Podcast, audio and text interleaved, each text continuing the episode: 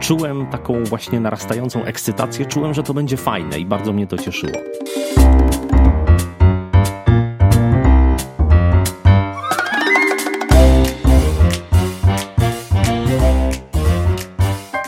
Dwa Edu.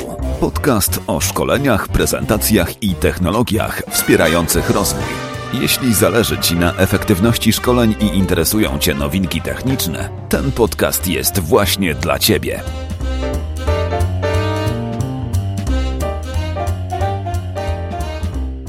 Pierwsze pytanie, Marku, które mam do Ciebie, to jakby kim jesteś? Ja wiem, tak? Jakby i, i, również wiemy, co skłoniło mnie do tego, żeby Cię zaprosić do tej rozmowy, ale myślę, że część czytelników może Cię nie znać, więc jak mógłbyś się krótko przedstawić na początku? Jestem przedsiębiorcą od kilkunastu lat. Prowadzę swoją firmę, wydaję czasopismo, które ma tytuł Branża Dziecięca. Poza tym takim moim dużym hobby jest nagrywanie podcastu. A co? A wcześniej byłem dziennikarzem. Pracowałem i trochę w prasie, i sporo w radiu, więc takie mam tło, jeżeli chodzi o sprawy zawodowe. No, ja chcę wspomnieć jeszcze o tym, że jesteś autorem dwóch książek i ostatnio kursu online, tak? I właśnie ten kurs online skłonił mnie do tego, żeby e, poprosić Cię o rozmowę, bo e, zrobiłeś swój pierwszy kurs online, pierwszy e-learning i moje pytanie jest takie, gdybyś miał opisać wszystkie emocje związane z tym tworzeniem jednym słowem, to byłoby to? Chyba ekscytacja. To znaczy, ja nie jestem zbyt dobry w nazywaniu emocji, także ciężko. Ja kiedyś nawet w podcaście o tym mówiłem u siebie, że jak żona mnie pyta, jaką emocję przeżyłem danego dnia, to ja mówię, że głód. Więc y, nie jestem zbyt dobry w emocjach, ale, ale ekscytacja to jest, wydaje mi się, właściwe słowo, dlatego że cały ten kurs, jak powiedziałeś, to był mój pierwszy kurs i on był dla mnie w dużej mierze eksperymentem. Ja byłem ciekawy, czy się w ogóle sprawdzę w takiej formie, czy dam radę. I w związku z tym, budując ten kurs, przygotowując kolejne moduły, czułem taką właśnie narastającą ekscytację, czułem, że to będzie fajne i bardzo mnie to cieszyło.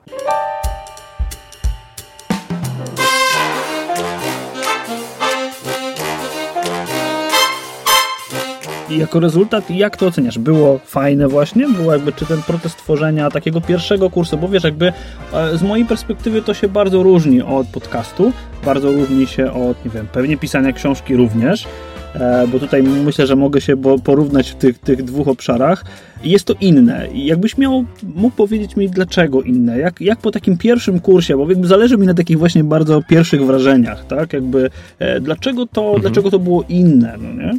To było inne, myślę, dlatego, że z założenia chciałem, żeby przeprowadzić uczestników tego kursu z punktu A do punktu B. Podcast może mieć bardziej swobodną formułę. Podcast może ludzi inspirować, może ich zaciekawiać, może im dawać też pewną wiedzę, ale to jest zawsze jakiś wycinek, no bo w ciągu półgodzinnego czy, czy godzinnego odcinka no nie jesteś w stanie nauczyć kogoś całego procesu. Jesteś w stanie mu zasygnalizować pewne rzeczy, odesłać go do źródeł, dać mu pewne wskazówki, ale to jest tylko kawałek całego procesu. W przypadku kursu to jest prowadzenie za rękę od momentu, kiedy ktoś najczęściej nie wie nic albo wie bardzo mało, do momentu, kiedy ma nagrany własny podcast, którym może się pochwalić. Także wydaje mi się, że tu jest taka zasadnicza różnica między podcastem a kursem. Jeżeli chodzi o książkę, no to też jest zupełnie inna forma, bo książka to jest e, taki no, dość liniowy z jednej strony sposób przekazywania wiedzy, bo większość ludzi, nawet jeżeli skaczą po rozdziałach, to zwykle starają się, myślę, czytać od początku do końca i książka ma ograniczone możliwości, jeżeli chodzi o formę, no bo to jest tekst, mogą tam być jakieś obrazki, ale no nie umieścisz w książce na przykład y, zapisu ekranu i tego, jak pracujesz w danym programie. To już musi się znaleźć gdzieś dodatkowo w internecie, a w kursie jest to nieodłączną formą, nieodłączną częścią tego kursu. Więc no, myślę, że kurs daje dużo więcej możliwości. Poza tym, Wydaje mi się, że bardzo ważna różnica między książką a kursem jest taka, że książka jest zamkniętą całością. Książkę piszesz, kończysz, ona jest wydrukowana i już. I nawet jeżeli zorientujesz się, że coś tam jest nie tak, to nie jesteś w stanie nic zmienić aż do następnego wydania. W przypadku kursu masz właściwie cały czas możliwość modyfikowania go, dodawania pewnych rzeczy, poprawiania sprecyzowania pod wpływem uwag, opinii użytkowników i to jest myślę super cenne i to powoduje, że e, też ta forma kursu mnie tak bardzo ciekawiła i kręciła, bo wydaje mi się, że każde dzieło, jeżeli jest tworzone z udziałem użytkowników, odbiorców tego dzieła, jest cenniejsze i bardziej użyteczne dla nich. Jasne, no jakby ta możliwość, możliwość szybkiej aktualizacji, e, czasami nawet naprawy czegoś, co, co zepsuliśmy, to myślę, że, tak. że jest taka ogromna wartość e, tego, że możemy taki kurs online tworzyć.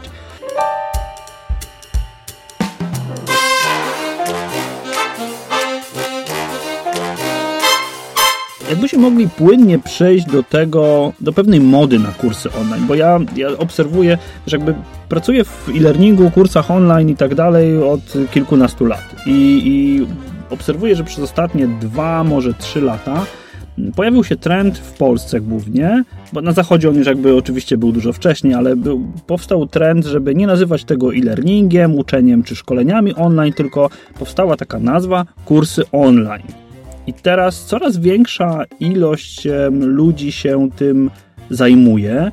I teraz moje pytanie jest takie, jak z dzisiejszej perspektywy, tak? czyli autora pierwszego kursu online, oceniasz pracę nad samym szkoleniem?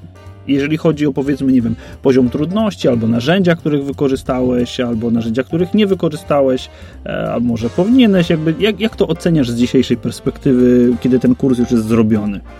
Zanim zabrałem się w ogóle za ten kurs, sporo wcześniej już, sam kupiłem taki kurs, który ma nazwę Create Awesome Online Courses i który uczy robienia kursów, no bo nie, nie startowałem zupełnie e, od czystej kartki, tylko chciałem mieć jakieś wskazówki, jak to się robi.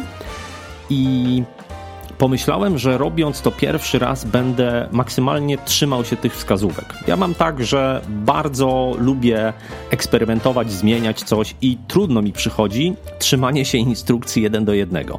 Ale pomyślałem, że tym razem spróbuję, bo kiedy zaczynam i kiedy wiem, że bardzo wielu rzeczy nie wiem, postanowiłem, zrobię to tak, jak powiedzieli w kursie, a ewentualne modyfikacje, zmiany i własną inwencję będę wykazywał przy drugiej edycji, trzeciej czy kolejnych. Więc jeżeli chodzi o sam proces tworzenia tego kursu, nie było to dla mnie szczególnie trudne, bo postępowałem według konkretnego harmonogramu, według konkretnych wskazówek, które miałem z tego kursu, który sam przerobiłem. Jeżeli chodzi natomiast o to, jak to się zdarzyło z rzeczywistością, no bo przerobienie kursu to jest jedno, a później wcielanie tego w czyn to jest drugie, no to tutaj oczywiście nie było tak łatwo. To znaczy, po pierwsze, zakładałem, że zajmie mi to mniej czasu niż zajęło. To wynikało też z tego, że nie zajmowałem się wyłącznie tworzeniem kursu, ale miałem też normalne swoje zadania w firmie, robiłem różne inne no rzeczy równolegle, więc no, nie, nie, nie było tak, że zamknąłem się na dwa miesiące i siedziałem wyłącznie nad kursem. Poza tym cała ta strona techniczna mm, przedstawiona w kursie, który ja przerabiałem, też wymagała dopasowania do moich warunków. Kurs był amerykański, więc tam są pewne narzędzia, które u nas z różnych powodów sprawdzają się gorzej. E, są pewne przyzwyczajenia czy preferencje klientów w Polsce, którzy też wolą korzystać z jakichś innych modeli. Ja ten kurs też kupiłem chyba dwa lata temu, już sporo czasu minęło, więc też pojawiły się nowe narzędzia. Także była kwestia dopasowania tej mojej wiedzy z kursu do tego, jak to wygląda dzisiaj i jak to wygląda w Polsce. Natomiast powiedziałeś o tym, bo ten wątek bardzo też mnie zainteresował. Powiedziałeś o tym, że w zasadzie odchodzi się od takiej nazwy e-learning, a idzie się w kierunku kursów online. I myślę, że to wynika z takiego podejścia, o którym ja się też uczyłem w tym kursie Create Awesome Online Courses, czyli Aha. z tego, że e-learning, le, słowo learning w ogóle kojarzy się z procesem uczenia się takim szkolnym, czyli z jakimś stałym czy rozłożonym w długim czasie procesem zdobywania wiedzy, a kursy mają za zadanie raczej przeprowadzić właśnie uczestnika od punktu A do punktu B. Czyli czegoś nie mam, przerobię kurs i to mam, albo czegoś nie umiem, przerobię kurs i umiem to zrobić. Umiem wykonać pewną konkretną czynność czy zestaw czynności. Przyznam ci szczerze, że to jakby bardzo ciekawe podejście, jakby yy, fajnie, że o tym wspominasz, bo ja się zastanawiałem właśnie nad tym, jaki jest fenomen tych kursów online i myślę, że, że masz rację, że tu jest jakby konkretny cel i uczymy konkretnych umiejętności, dając yy, takie podstawy wiedzowe, ale w takiej minimalnej wersji te podstawy wiedzowe, tak? Czyli skupiamy się na praktyce. Tak, tak. No ja pamiętam, jak byłem na studiach podyplomowych e, z ekonomii i na tych studiach na przykład, mimo że przychodzili na nie ludzie z założenia, którzy mieli swoje firmy, i na tych studiach na przykład uczono nas o jakimś tam rozrysowywaniu kont, jakichś takich podstawach w ogóle księgowości. I mówię do człowieka mm, z ramienia uczelni, który był odpowiedzialny za ten kurs. Ja mówię, ale po co nam to? Przecież nikt tego tak nie robi. Mamy, po pierwsze, my jesteśmy właścicielami firm, więc my nie musimy umieć rozpisywać z tych kont, bo to robi, to robi księgowa. Poza tym to są jakieś historyczne metody. Po co my się tego uczymy? To jest wiedza teoretyczna, która nie ma kompletnie żadnego praktycznego zastosowania. To jest strata czasu.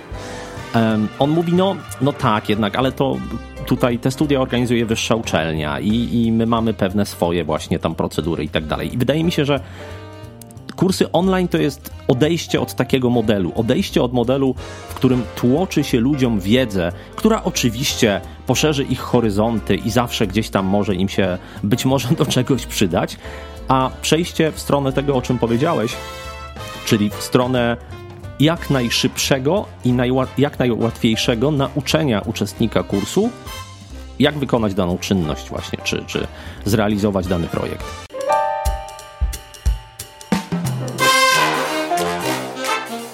Wiesz co, ja, ja kułem sobie takie, takie stwierdzenie, że kursy online to dzisiaj są takie mikroszkoły zawodowe. Tak. tak. Wczoraj nie miałeś zawodu, jutro go chcesz i robisz to online, bo taka forma wydaje ci się najwygodniejsza po prostu. Tak, tak i wydaje mi się, że też y, nie ma w tym nic złego. Zresztą rozmawiam czasami z przedsiębiorcami z różnych branż i oni bardzo ubolewają nad tym, że był taki okres w dziejach polskiej edukacji całkiem niedawno, kiedy te szkoły zawodowe właściwie przestały istnieć.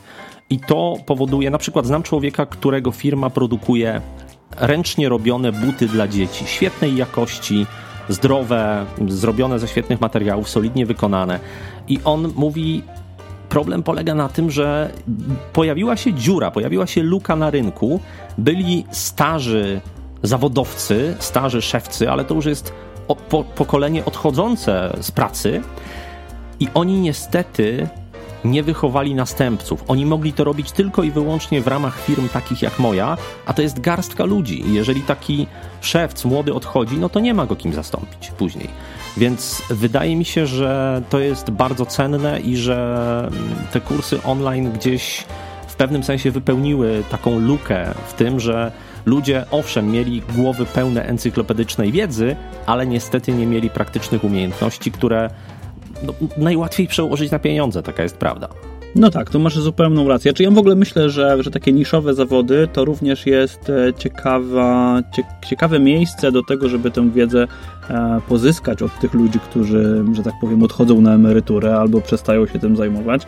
Myślę, że tutaj kursy online też mają mają sporą szansę, bo mm, no cóż, no można pozyskać tę wiedzę od tych ludzi i spróbować robić e-learning, ale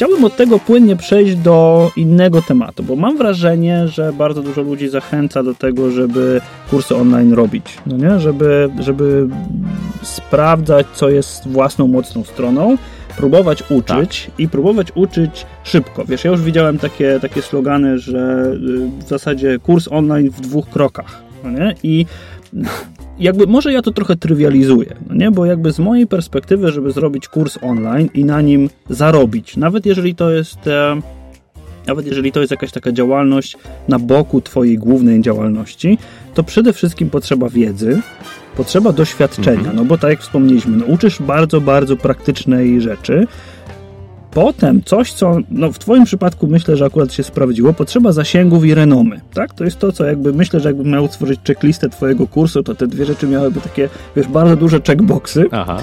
E, a reszta, wiesz, reszta moim zdaniem to jest tak jak, e, tak jak gdzieś sobie wymyśliłem, taki pieprz do zupy albo chmiel do piwa, tak? Czyli te wszystkie, wiesz, technologie, gdzie to zrobisz, jak to zrobisz, e, to jest, e, to jest wtórne, no nie? I, i czasami mam wrażenie, że jeżeli, jeżeli tworzymy taki kurs, to właśnie te wszystkie rzeczy, doświadczenie, wiedza, umiejętności, zasięgi, one są ważniejsze niż aspekt techniczny kursu. I właśnie tu chciałbym zapytać, co ty sądzisz, jakby jak z twojej perspektywy dzisiaj to wygląda? Myślę, że masz bardzo dużo racji. Rzeczywiście technika jest w tle i ta technika czy technologia to jest y, coś, co na pewno ma mniejsze znaczenie z punktu widzenia mm, sprzedażowego aspektu takiego kursu, niż właśnie doświadczenie czy, czy jakaś renoma prowadzącego.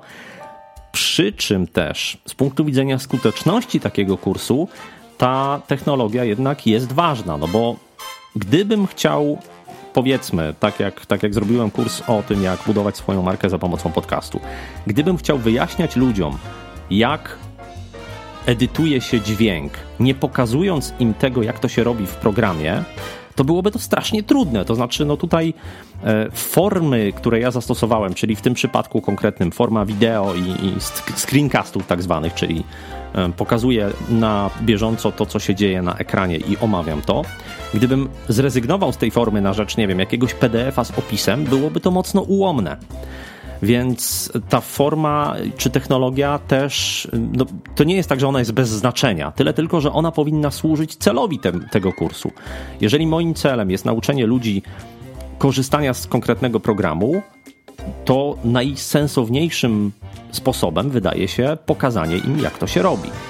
Więc nie zupełnie uciekałbym od tej technologii, ale, ale zgadzam się, że kwestie, o których powiedziałeś, czyli, czyli doświadczenie, wiedza i zasięg prowadzącego autora takiego kursu są na pewno ważniejsze, żeby taki kurs sprzedać. Ale to wydaje mi się wynika w ogóle z idei lejka sprzedażowego, która jest bardzo popularna od pewnego czasu. To znaczy, no, jeżeli chcesz komuś coś sprzedać, a ten ktoś nic o tobie nie wie, to jest niewielka szansa, że będzie chciał od ciebie coś kupić zwłaszcza jeżeli sprzedajesz mu kurs online, czyli to jest pewna forma komunikacji. On zakłada, że będzie potrafił nauczyć się czegoś dzięki temu, że ty mu o tym opowiesz i ty mu to pokażesz.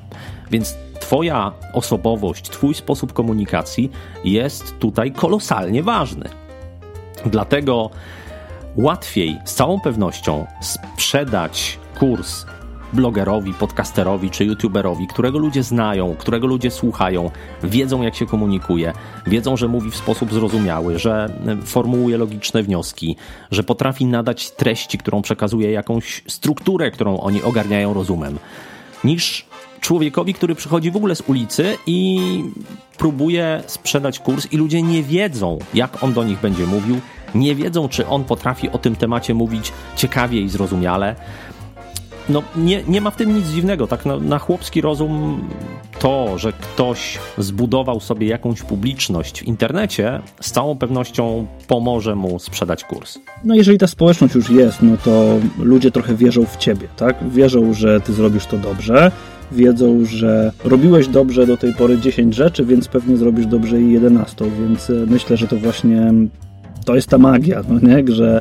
e, że jednak, jednak tak. e, nawet jeżeli będziesz miał super wiedzę, a ludzie w internecie nie będą cię znać, nie będą wiedzieć, że istniejesz i nie będą wiedzieć, że jesteś ekspertem mhm. od danego tematu, no to będzie ci po prostu takie szkolenie ekstremalnie trudno sprzedać, bo będzie ci ekstremalnie trudno ich zainteresować, nawet jeżeli ono będzie najlepsze na świecie, prawda?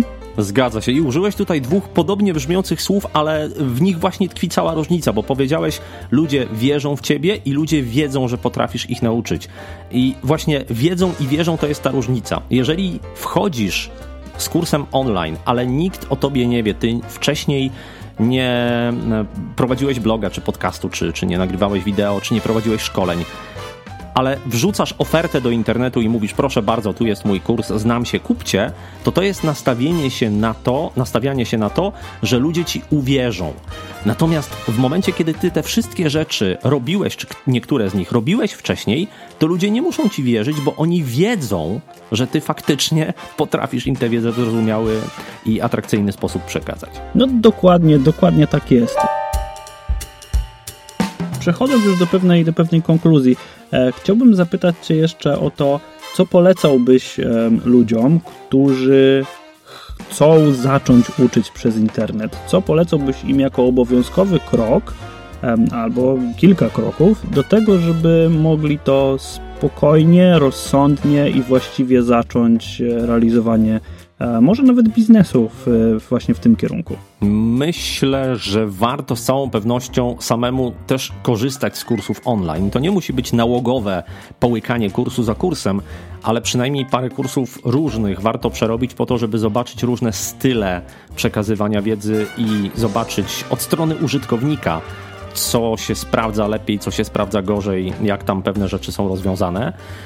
Mm, na pewno warto budować tę swoją publiczność i, i, dzielić się wiedzą za darmo wcześniej, po to, żeby się przekonać, czy ta wiedza, którą ja mam do przekazania, trafia na podatny grunt, czy są ludzie, którzy są skłonni mnie słuchać, czy są ludzie, którzy być może w przyszłości będą gotowi zapłacić za to, co mam im do zaoferowania, ale też po to, żeby zbierać informacje zwrotne od tych ludzi. Dlatego, że ja zacząłem przygotowania od kursu taki sposób, że zadałem, zrobiłem ankietę, która składała się z jednego pytania. Czego chciałbyś się dowiedzieć o nagrywaniu podcastów?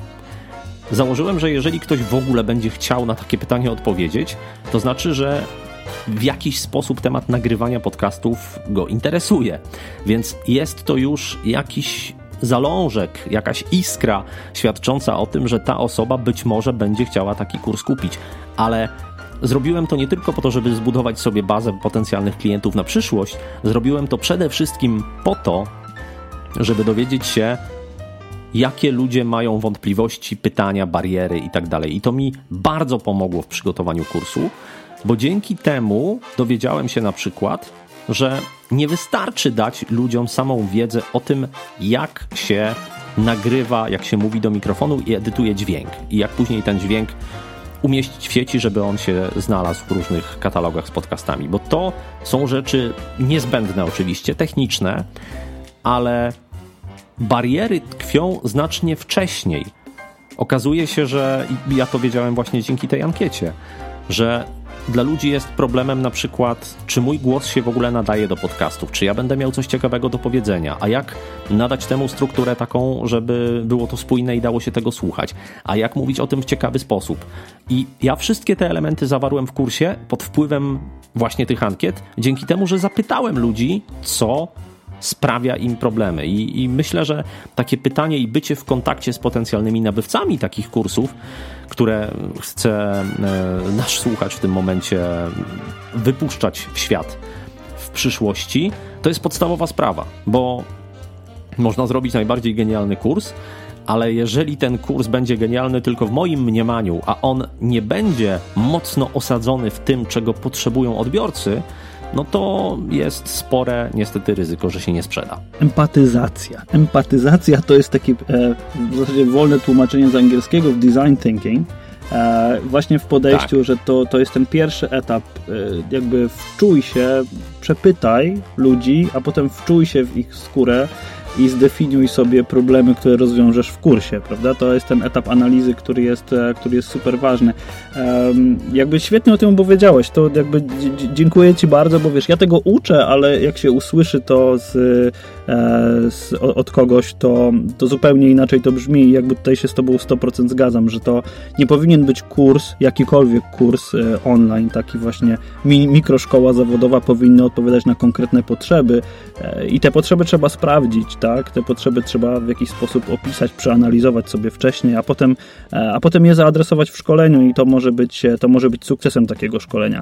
Mm, podsumowując, chciałbym Cię zapytać, gdzie można znaleźć więcej informacji na Twój temat i wspomniałeś o tym, że to była pierwsza edycja, więc jak mówisz, że pierwsza edycja, to liczę na następne, więc gdzie można znaleźć więcej informacji na temat tego, co robisz w sieci, no i gdzie można znaleźć sam Twój kurs online? Najłatwiej mnie znaleźć na stronie maławielkafirma.pl. Tam są wszystkie odcinki mojego podcastu i dodatkowe informacje, linki. Można mnie znaleźć na Facebooku, również na fanpage'u Małej Wielkiej Firmy albo na profilu Marek Jankowski, chociaż akurat imię i nazwisko jest dość popularne, więc e, no ale, ale na moim jest napisane, że Mała Wielka Firma, więc można, można skojarzyć. Poza tym, gdyby ktoś był zainteresowany nagrywaniem podcastów i budowaniem swojej marki w ten sposób, no to w tej chwili rzeczywiście nie ma naboru na kurs. Kurs jest zamknięty, ale pod adresem podcastpro.pl można zapisać się na listę oczekujących i wtedy, kiedy ta druga edycja będzie dostępna, wtedy będę się z takimi osobami kontaktował. Podejrzewam, że będzie to pierwszy kwartał 2018 roku, prawdopodobnie marzec, tak wstępnie zakładam, ale no to zależy od od też różnych moich obowiązków zawodowych, bo będę się starał tak to zrobić, żeby poświęcić kursantom maksimum e, czasu i uwagi, a, a początek roku akurat jest dość intensywny, jeżeli chodzi o wyjazdy targowe dla mnie, więc może się okazać na przykład, że będzie to nawet nie marzec, ale, ale zahaczy to już o drugi kwartał i może, może jakiś kwiecień. No, z niecierpliwością czekamy. Będę miał do Ciebie oczywiście prośbę, żeby wrzucić link na grupę e-learning Grobie, bo to właśnie takie miejsce, gdzie, gdzie ludzie robiący szkolenia się mogą spotkać, dzielić doświadczeniami, więc e, e, również e, jeżeli będziesz uruchamiał kolejną edycję lub miał wnioski jeszcze jakieś, bo przyznam szczerze, że po wysłuchaniu ostatniego odcinka podcastu, w którym właśnie mówiłeś o tym kursie, poczułem trochę niedosyt jeszcze wniosków takich długoterminowych ale wiem, że one przyjdą. Także... Tak, tak. To, to celowo, celowo był odcinek skupiony tylko i wyłącznie na procesie takim organizacyjno-sprzedażowym, bo to mam na świeżo i to już mogę podsumować, natomiast y, wnioski dotyczące zawartości kursu, czy dotyczące form przekazywania wiedzy, czy interakcji z uczestnikami, to, to, to wszystko musi poczekać, dlatego że jesteśmy w trakcie. Poza tym, że dostęp do kursu jest nieograniczony czasowo, no to mamy takie cztery webinary, e, podczas których odpowiadam też na żywo na pytania uczestników i akurat dzisiaj, w dniu kiedy nagrywamy ten podcast, mamy drugi taki webinar dopiero, więc jeszcze, jeszcze potrzebuję trochę czasu, żeby tę wiedzę zebrać, podsumować i jakieś sensowne wnioski wyciągnąć, ale na pewno kiedy to zrobię, to się tymi wnioskami podzielę. Dziękuję Ci bardzo. E, także trzymam kciuki i za dzisiejszy webinar, za cały kurs i mam nadzieję, że również za, za kolejne edycje. Dzisiaj bardzo, bardzo dziękuję Ci za ten czas i e, mam nadzieję, że mm, jak już będziesz miał wszystkie wnioski, to znowu będziemy mieli okazję do tego, żeby o tym e, na spokojnie porozmawiać. Bardzo chętnie, z przyjemnością. Wielkie dzięki. Dziękuję bardzo i do usłyszenia.